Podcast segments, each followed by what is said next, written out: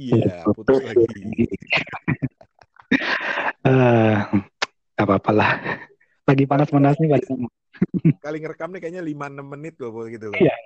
Emang segitu ya, kayaknya. bagi segitu mungkin. Walaupun katanya sih nggak terbatas, tapi mungkin faktor koneksi kali. Iya, kayaknya harus kayak gitu sih. kayaknya. Tadi sampai di ini ya Om, tadi sampai di bahwa media juga eh, med- media sosial itu merupakan media untuk pansos juga ya, kayak podcast termasuk dan YouTube gitu Iya. ya Om.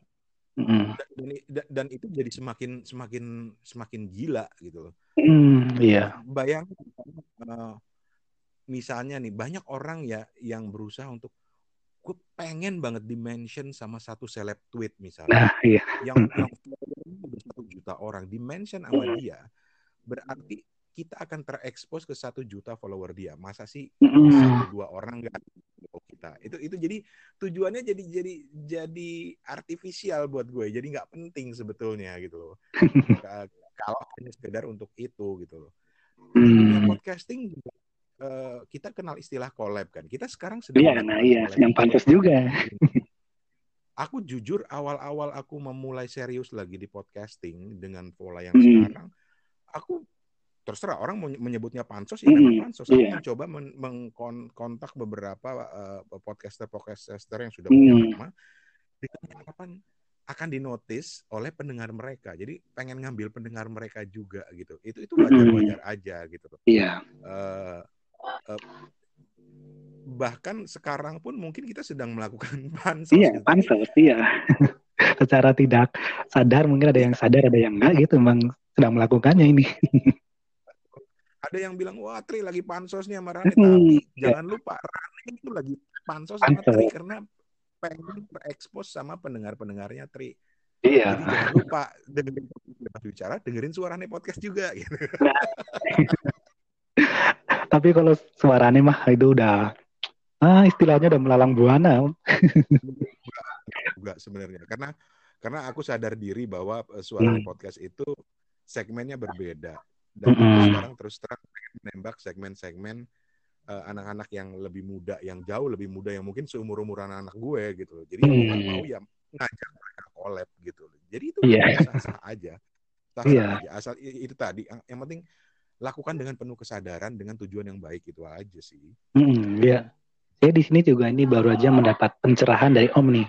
Karena Hmm. selama ini ya sebelum kolab ini saya menganggap bahwa pansos itu merupakan hal yang negatif gitu.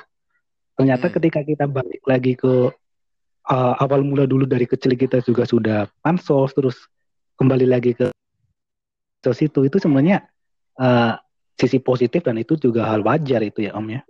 wajar wajar Hmm. banget kok wajar banget cuma memang akibat eh, kita tuh sering sekali terjebak dengan istilah-istilah gitu loh social climbing atau panjat sosial social climbing itu sudah ada istilahnya dari dulu itu teori-teori orang-orang teori sosial udah ada gitu istilah social climbing kalau nggak salah ada istilahnya kok pakai bahasa Perancis gitu tapi masalahnya eh, sebenarnya ya kalau mau dilihat dari sisi negatif bisa tapi kan dilihat dari sisi positif Iya. juga bisa Tapi kan negatif positifnya tergantung kita yang meresponnya sih.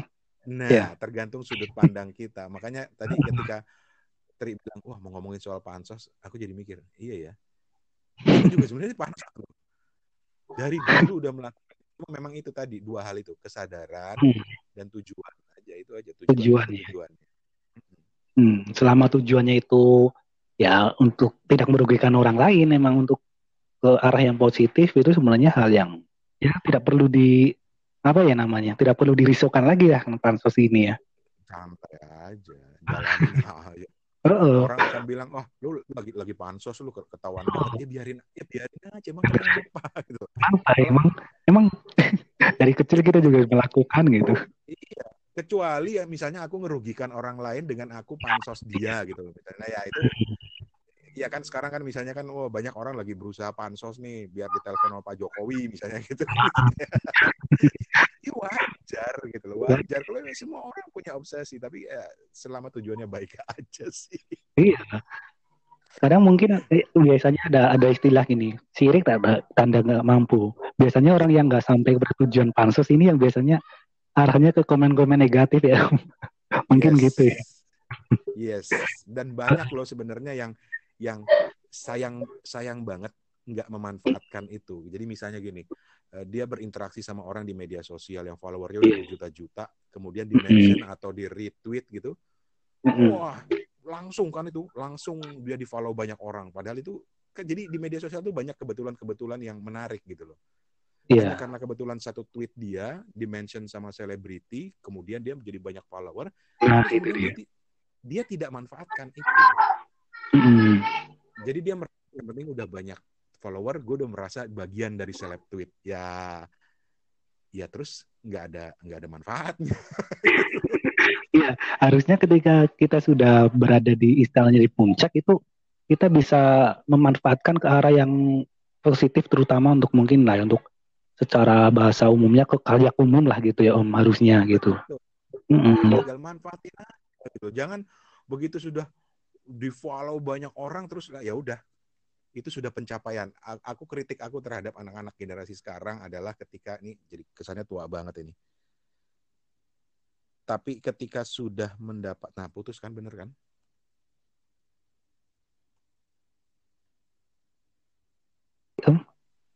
Halo. Halo, masih nyambung Om? Eh? Masih nyambung. Iya. Keren, keren. Jadi, jadi tadi, kritikku sama anak, anak sekarang adalah ketika wah, mereka luar biasa loh tekniknya itu untuk mendapatkan perhatian. Tapi perhatian itu sudah didapat, follower itu sudah didapat banyak, mereka tidak melakukan apa-apa dan malah kemudian menjadi pasif dan bilang yang penting aku udah jadi seleb gitu.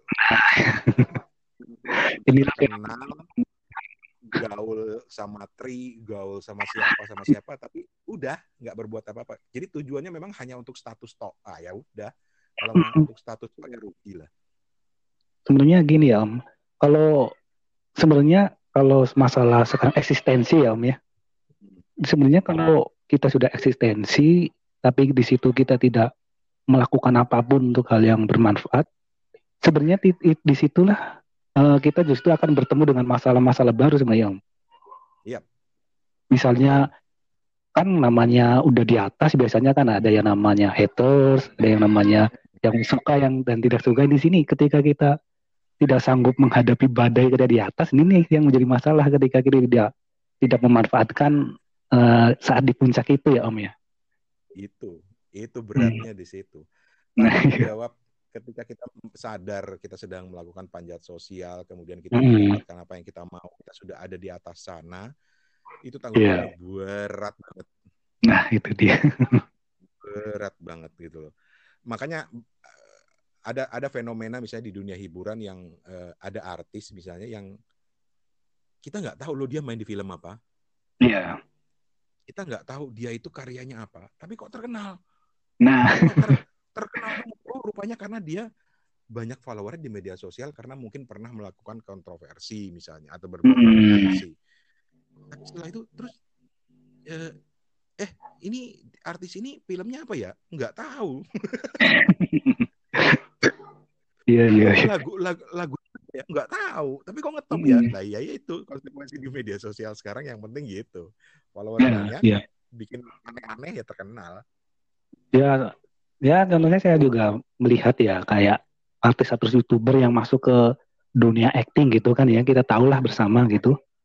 Uh, di saat acting itu kurang maksimal tapi berhubung uh, di media sosialnya itu memang sudah jadi pansos gitu yang setidaknya sudah di puncak.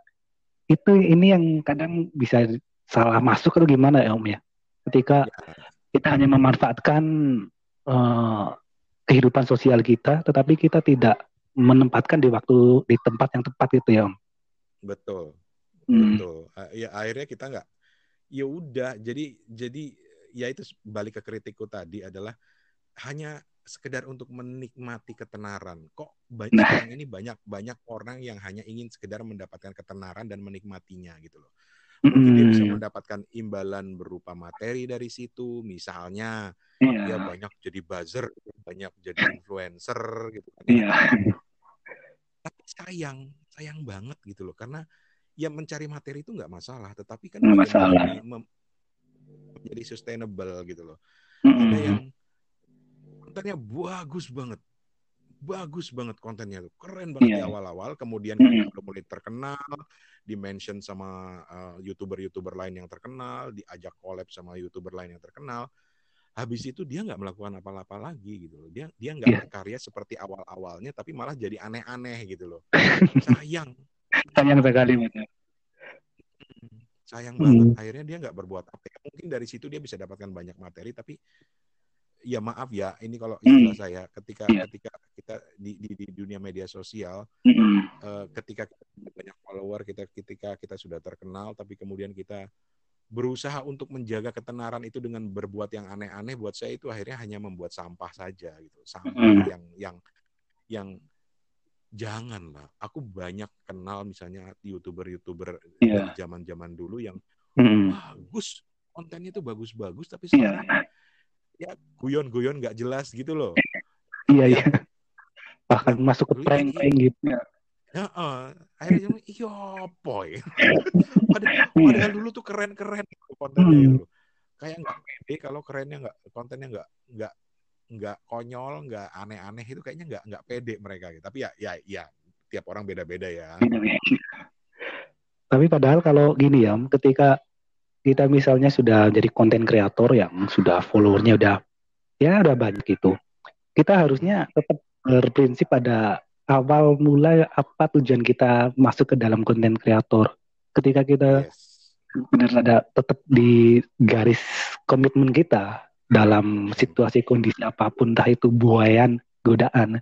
Sebenarnya ketika kita tetap berdiri di komitmen kita ini sebenarnya ini lebih lebih baik gitu ya. Sebenarnya kan kalau zaman sekarang sebenarnya kalau masalah materi gitu ini kadang-kadang memang di agak di nomor dua kan. Tapi kadang pansos ini lah yang paling dikit biasanya. Ya dan hmm. dan kalau di era media sosial sekarang kalau menurut aku hmm. ya salah satu tujuan yang selalu banyak diincar oleh anak-anak sekarang adalah ketenaran. Nah itu dia. Ini maksudnya om. Jadi tujuannya ingat kan salah satu contoh klasik yang hmm. yang sampai sekarang rasanya itu pokoknya itu itu khas banget itulah adalah ketika yeah. seorang anak anak sekolah diwawancara oleh Pak Jokowi dan ditanya yeah. misalnya mau jadi apa? Mau jadi youtuber? Iya, nah itu. Bagus nggak masalah bagus. orang banyak ngeledek itu oh masa mau jadi youtuber oh youtuber sekarang duitnya gede-gede loh aku nyesel loh nggak nggak berusaha untuk jadi youtuber yang proper dulu misalnya begitu tapi hmm. tapi tapi kemudian ada ada tujuan lain yang penting cuma pengen terkenal gitu sayang banget kalau cuma itu tujuannya Iya. Yeah. Terken, terkenal itu ekses buat aku tuh ekses dan kalau hmm. kita manfaatkan ketenaran untuk sesuatu ya itu akan lebih bagus. Baik, hmm, bagus. Lebih bagus hmm. bukan hanya buat orang lain tapi juga bermanfaat buat kita. Kalau aku sih mikirnya gitu. Jadi yeah. kalau, kalau kalau tujuan akhirnya cuma ketenaran, gampang lah. Bikin konten aneh-aneh di di Twitter, tag semua seleb tweet gitu ya pasti ada lah satu dua orang yang nge-retweet deh, ngetop ntar lo dapat follower banyak. iya lah namanya iya. Kalau ya generasi zaman sekarang memang harusnya di situ om keterkenalan gitu. Kadang kadang ada yang bilang ah materi udah banyak uang udah banyak tapi orang nggak mengenal aku gitu. Saya pingin orang banyak mengenal aku gitu. Nah. Iya jadi ya kalau cuma pengen dikenal sih gampang kok. Gampang gampang. Hmm. tapi apa yang kita manfaatkan dengan ketenaran kita itu nah, nah itu yang jarang, jarang dipikirin. Yang penting yang penting ngetop dulu lah. Follow padahal gini ya me dulu. dipotong ya me ini nah. padahal kalau kita sudah terkenal gitu kita orang-orang yang masih di bawah ibaratnya gitu sebelum yang belum istilah belum jadi apa-apa itu kan kalau terkenal kan bayangannya itu sudah oh yang indah-indah dan hayal. Ah kalau terkenal ini aku akan seperti itu. Padahal ketika kita sampai di titik itu belum tentu seindah itu ya Mi. betul Betul. Dan terus terang yang bikin aku agak khawatir adalah karena tren ingin terkenal itu sekarang banyak jadi tujuan. Eh, kalau istilahnya itu instant fame gitu loh. Karena hmm. sekarang di di era era media sosial orang itu bisa mendadak jadi nggak perlu panjat sosial susah-susah. dari nol, dari dia tidak dikenal siapa dia, dia bisa tiba-tiba melambung jadi Hmm. sangat terkenal. Di era media sosial tuh gampang banget itu terjadi dan banyak contohnya lah yang tiba-tiba eh, nggak jelas siapa, tiba-tiba dia Nongol kontroversi, nongol, ngetop, banyak follower, titik gitu loh. Mm-mm. Gitu. Padahal masalah gitu ya, mungkin yang followersnya atau yang pecintanya kadang juga kalau tidak konsisten gitu nggak permanen juga kayaknya. nggak permanen. Karena yang namanya aku tuh selalu percaya bahwa yang namanya instan itu tidak akan bertahan lama. Namanya juga instan. Jadi ketika misalnya dia mendadak ketiban rezeki ya mau dibilang rezeki mau enggak kalau aku bilangnya malah ketiban cobaan gitu ya tiba-tiba terkenal jadi terkenal banget.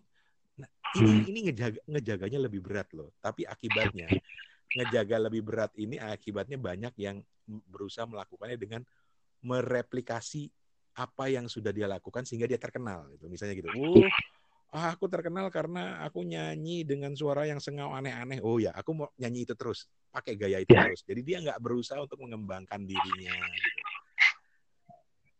Yang penting di retweet yang penting di nongol di media sosial kelihatan dia lagi bertegur sapa atau eh, reply replyan dengan seleb tweet misalnya atau dengan orang terkenal gitu. Ya ya nggak masalah sih tapi buat apa Ya sebenarnya banyak ya orang yang sudah melenceng-lenceng gitu ya ketika follower banyak. Ya seperti yang kita lihat bersama lah, yang bukan hal yang asing lagi ketika eh, artis Instagram gitu misalnya udah Mm-mm. tuh ngomongnya apanya tidak dijaga akhirnya kena kasus gitu. Inilah. banyak itu banyak Hmm. itu banyak dan dan ya itu tadi instant fame ketenaran yang mendadak di dunia media sosial karena panjat sosial salah satunya adalah itu itu bahaya sekali gitu. Itu bikin stres loh bikin eh, kadang-kadang orang nggak siap untuk itu. Sementara kalau ambil contoh artis lah yang paling gampang ya. Artis-artis zaman dulu itu kan benar-benar merangkak dari bawah dari bawah jadi dia ajak dia udah mental dia udah kuat. Lah yang sekarang-sekarang itu banyak yang tiba-tiba duar ngetop. Langsung dapat banyak orderan job segala macam dia nggak siap mental gitu. Hmm. Ya sebenarnya Gitu, era nih, YouTube inilah yang mulai benar-benar banyak artis-artis bermunculan yang baru tenggelam muncul lagi muncul lagi yang inilah yang Hmm. Eh, yang memviralkan konten-konten apa gitu ya. Inilah. Itu dia.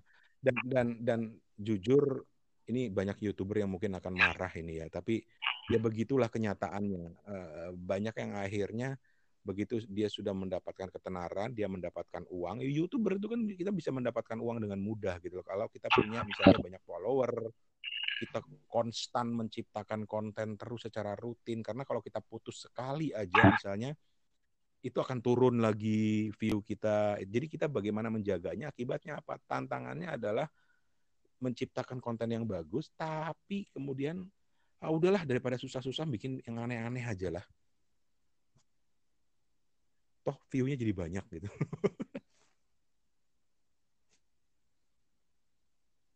Halo. Nggak dengar lagi suaranya?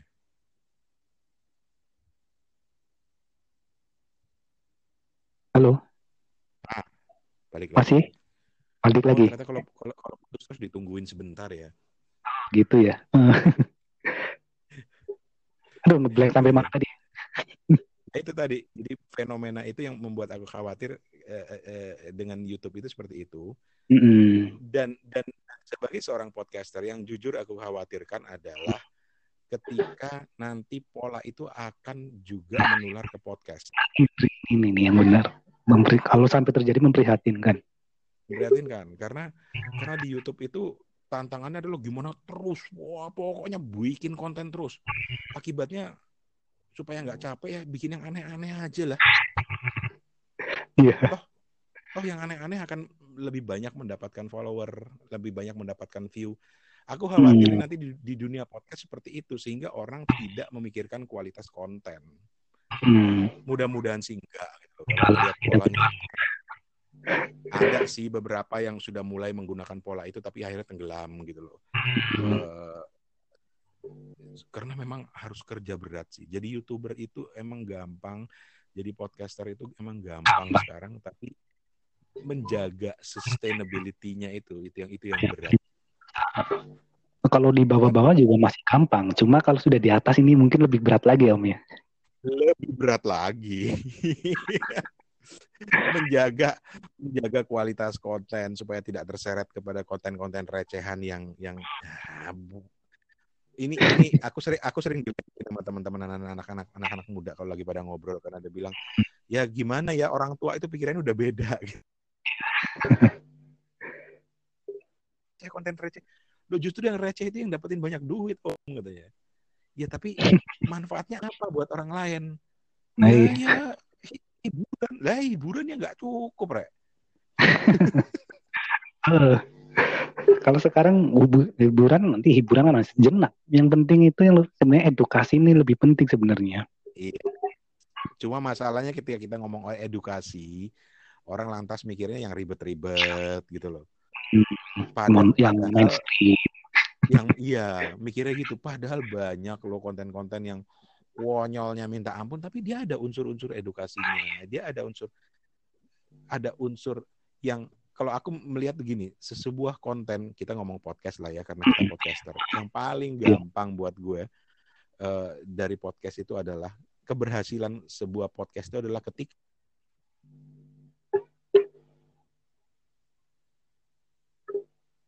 Halo? Halo? Halo? Ya, gimana tadi nih dari sini suaranya berputus. Ulang lagi Om. ini. Ya. Oh, aku baru tahu ini ternyata kalau uh, apa namanya screen saver nyala dia putus. Hmm. Iya benar. Ya. ya lanjut Om. Aku tuh aku mikir gini, jadi patok uh, patokan buat aku kalau kita ngomong soal konten edukasi ya, yang nggak ribet-ribet amat adalah ketika gini, dalam beberapa waktu ke depan ada orang yang masih bisa mengingat konten podcast kita, itu kita berhasil. Oh gitu. Itu kita berhasil. Berarti pesan kita nyampe. Ya, ya, ya, pesannya bisa negatif, bisa positif ya. Tetapi ke, keberhasilan itu ada. Kalau misalnya saya harus mengingat konten YouTube atau konten podcast orang, saya masih yang yang paling nempel di kepala itu pasti akan ter, teringat terus dan bisa diulang lagi. Oh iya waktu itu ngobrol sama Tri itu Tri mengeluarkan sebuah kata-kata yang kayaknya keren banget bisa dikutip tuh. Iya iya benar. Bay, bayangin nanti ke depannya orang akan ingat terus itu itu kita berhasil berarti. Nah bayangkan kalau itu kita eh, suntikannya dengan konten-konten yang bermanfaat, edukasi gitu, ya kita dapat pahala juga bos. bikin orang pinter itu pahala loh. Uh, kalau saya juga ngarahnya podcast ini juga walaupun bebas bicara tapi bebasnya terarah gitu om. Karena hmm. saya paling menyukai ini dunia pengembangan diri. Jadi konten-konten di sini ya walaupun mungkin terlihat agak recehan tapi paling tidak ada pesannya gitu om. Yes yes receh ya ya karena kadang-kadang kita aku suka banget pakai istilah receh tapi sebenarnya itu hanya pada bagaimana kita ngemas kontennya kok yang bagus dan dan bermanfaat dan dan syukur-syukur bisa memotivasi orang. Aku tuh paling suka paling suka uh, setelah sekian lama podcasting paling suka itu ketika ada orang yang bilang eh ini gara-gara podcastnya Om Rani ini aku sekarang begini-begini. Wah alhamdulillah loh itu. Itu nggak bisa dibeli dengan apa pun itu saya sendiri ini agak kesaksian ya Om ya. Uh, saya sendiri pertama bergairah membuat podcast gitu ya Om. Ini, ini juga pertama karena dengerin podcastnya suara nih Om. Lah, kan itu itu kepuasan yang nggak bisa dibeli tuh Tri. Mulai dari pertama denger saya karena karena saya pencipta radio dari dulu dari kecil gitu itu pantes, gaya ngomongnya juga radio banget nih suaranya itu teringat ke masa-masa lalu nih ke oh ini suaranya Om Rani kok kayak kayak nggak asing cuma ya dari nada bicaranya kan ada nada penyiar kalau Om Rani ini. iya, penyiar jadul. Mulai uh, saya pertama dengerin ini Om yang bahas lagu ini Om, lagu anak kecil itu Om. Ah, Oke. Okay. itu itu ya, itu paling berkesan banget Om. Hmm. Jadi itulah. Aku, aku, aku tuh pernah itu pernah ada orang yang ibu-ibu yang tiba-tiba kontak dan bilang, Mas, anakku itu sekarang nggak bisa tidur kalau nggak nyetel podcast sampean yang ada nyanyi lagu anak itu loh. iya iya. Itu hanya cerita, tapi buat aku itu nggak akan bisa dihargai dengan apa pun itu. Rasanya itu luar biasa menyenangkan gitu. Mm. Berarti pansosku ya. berhasil. Terus yang kedua yang media sosial, kuasa media sosial. Di situ mulai oh. saya tergerak podcast. Mulai paling lagi, tergerak. Lagi, lagi ikutan puasa juga sekarang ya. hari ini. Sebenarnya udah coba, coba berapa kali. Hmm. Oh, udah ini dua empat kali nih Om. Sebelumnya bertahan itu cuma empat eh dua minggu. Hmm. Hmm ketika kemarin saat saya mau memulai puasa ini Om, saya kembali memutar ini episode dari suaranya yang tentang media sosial, puasa media sosial saya ulang-ulang kembali gitu. Nah, ini, ini, nah, ini aku, aku, aku, aku nah, apa? Ada satu hal yang menarik dari mm -hmm. dari puasa media sosial itu. Kalau puasa makan, ya, yeah. goda godaannya itu lapar. Ya. Kalau puasa media sosial godaannya apa menurut Lutri? Kalau menurut saya godaannya ini apa ya? Uh, mungkin ini ya, sakau ingin dikenal lagi kayak kepo gitu. Puasa media sosial itu godaannya adalah perhatian. ini om saya ini beberapa jam baru dua hari ini saya ini pikirannya udah mulai yang ada yang mention nggak ada yang nge-like uh, status yang terakhir gue enggak gitu. Persis.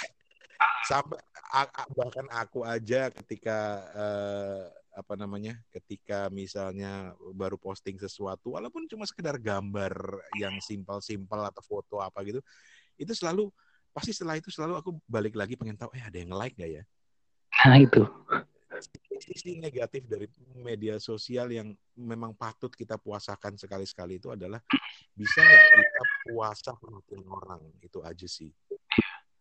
Yang kadang saya kenapa saya perhatian itu berbahaya. Hmm. Saya yang paling memotivasi kenapa saya puasa media sosial karena saya merasa ketika saya berada di media sosial terutama Facebook ya itu hmm. saya merasa ini merasa waktu ini terbuang sia-sia gitu. Bahkan di saat kerja tidak fokus, di saat istirahat harusnya iya. digunakan secara maksimal. Ini saya mulai merasa kok seperti ini gitu. Kadang ada yang ada survei katanya media sosial ini mengurangi kebahagiaan. Emang kalau menurut saya ini benar. Iya, benar. Kita berharap hidup apa perhatian dari orang segala macam tapi kita lupa bahwa ada juga loh orang yang memperhatikan kita di dunia nyata yang lebih yang juga butuh kita perhatikan balik gitu. Iya. Padahal ini ya media sosial ini menyita waktunya gitu ketika uh, apa pun yang kita lakukan ini harus di share ini gimana? Kayak kita apa perlu orang lain tahu gitu sebenarnya? Ada hal-hal yang harusnya orang lain tahu. Kita share kan gitu kadang. Kalau pikir-pikir saya ini alay juga ya gitu. kenyataannya memang begitu dan kita suka kita kita suka katain wah anak-anak sekarang nih maunya cari perhatian. Kita lupa bahwa bahkan ini ini ini contoh lah banyak iya. teman-teman orang, orang tua orang tua orang tua aku sendiri misalnya yeah. yang ketika sudah bermain media sosial, mereka akan bilang, oh ini kok tumbennya nggak ada yang nge-like ya? mungkin, mungkin menarik ya. Oh ya gimana ya? Ya, ya, ya. Jadi, jadi itu bukan masalah generasi, tetapi masalah perhatian orang. Perhatian benar-benar benar. kan? Mendapatkan perhatian, syukur-syukur. Terus kalau kita balik ke topik panjat sosial tadi, nah, ya. mendapatkan pengakuan dari orang lain. Pengakuannya apa? Di retweet, di share itu pengakuan. Akibatnya wah wah aku barusan di retweet loh sama Atta Halilintar loh gitu misalnya gitu. Jadi ada pengakuan-pengakuan yang oh iya ya.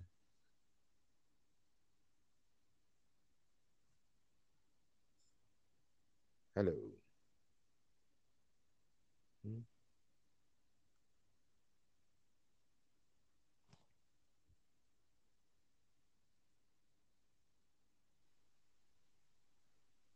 Halo? Ya, halo, putus lagi. Ya, balik lagi. ya, ketika kita tadi balik ke tadi sambungan ya. Yang saya sadari gini, ketika kita uh, haus akan perhatian, itu sama kita dahaga ketika ingin minum ya. Ketika uh, kita lagi dahaganya, misalnya kita masuk ke konteks di uh, media sosial, kita membuat status, terus ada saja yang komen, itu rasanya benar-benar kayak terpuaskan kayak sampai pada titik klimaks gitu bang bener hmm. tapi eksesnya dan eksesnya lebih yang lebih mengkhawatirkan lagi itu begini mungkin Tri atau teman-teman pendengar eh, podcast bebas bicara pernah ngalamin. Kita posting sesuatu terus tiba-tiba di like 10 orang hmm. misalnya. Di like 10 orang. Nanti haus itu akan tambah haus. Karena apa? Iya. kok nggak ada yang komen ya? Nah, nggak yeah. ada yang komen share ya? Berarti nggak penting nih kayaknya. Kita selalu haus haus haus. Makanya kalau ketika tiba-tiba kita berhenti sebentar satu bulan misalnya ya anu lah untuk istirahat sebentar gitu loh uh, menantang diri. Iya.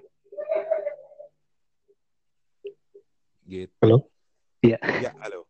Nah iya iya.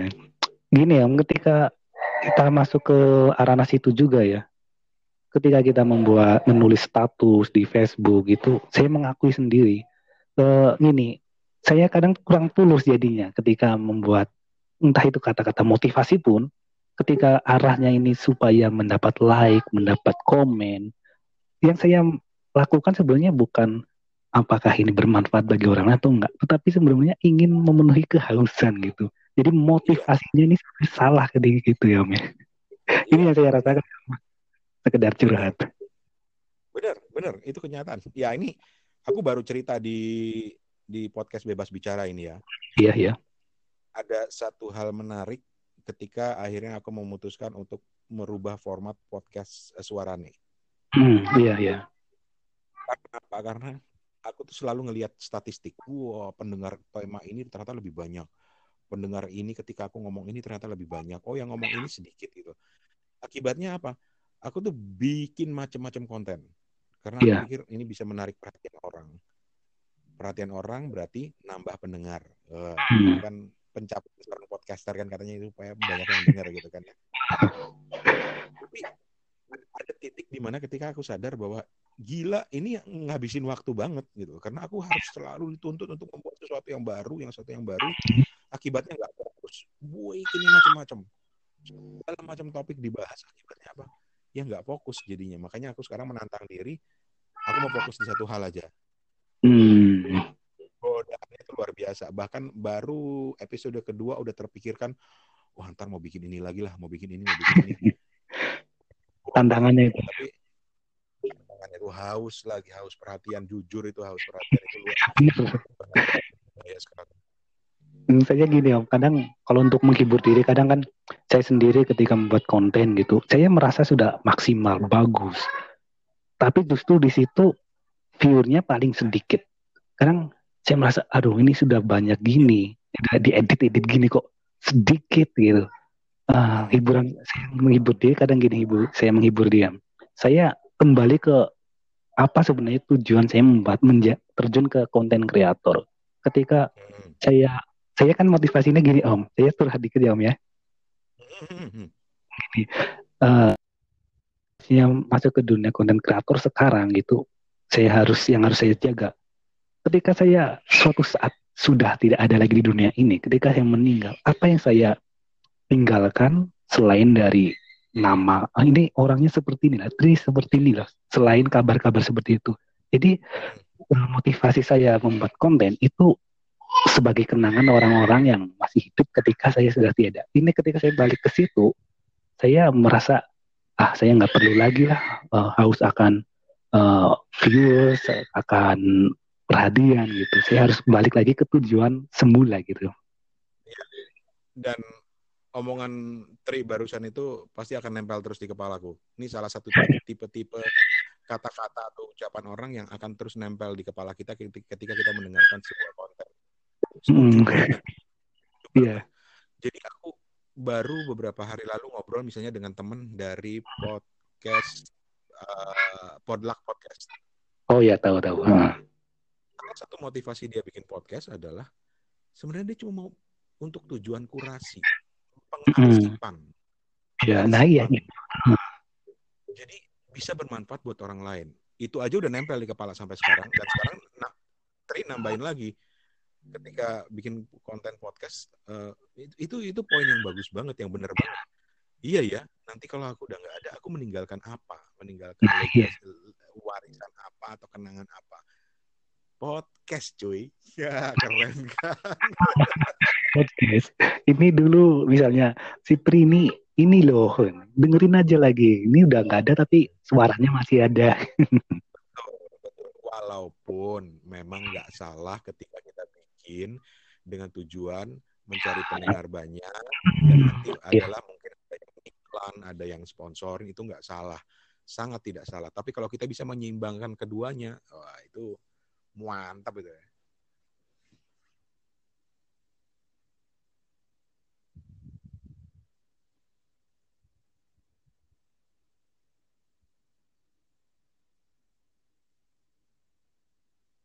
Halo.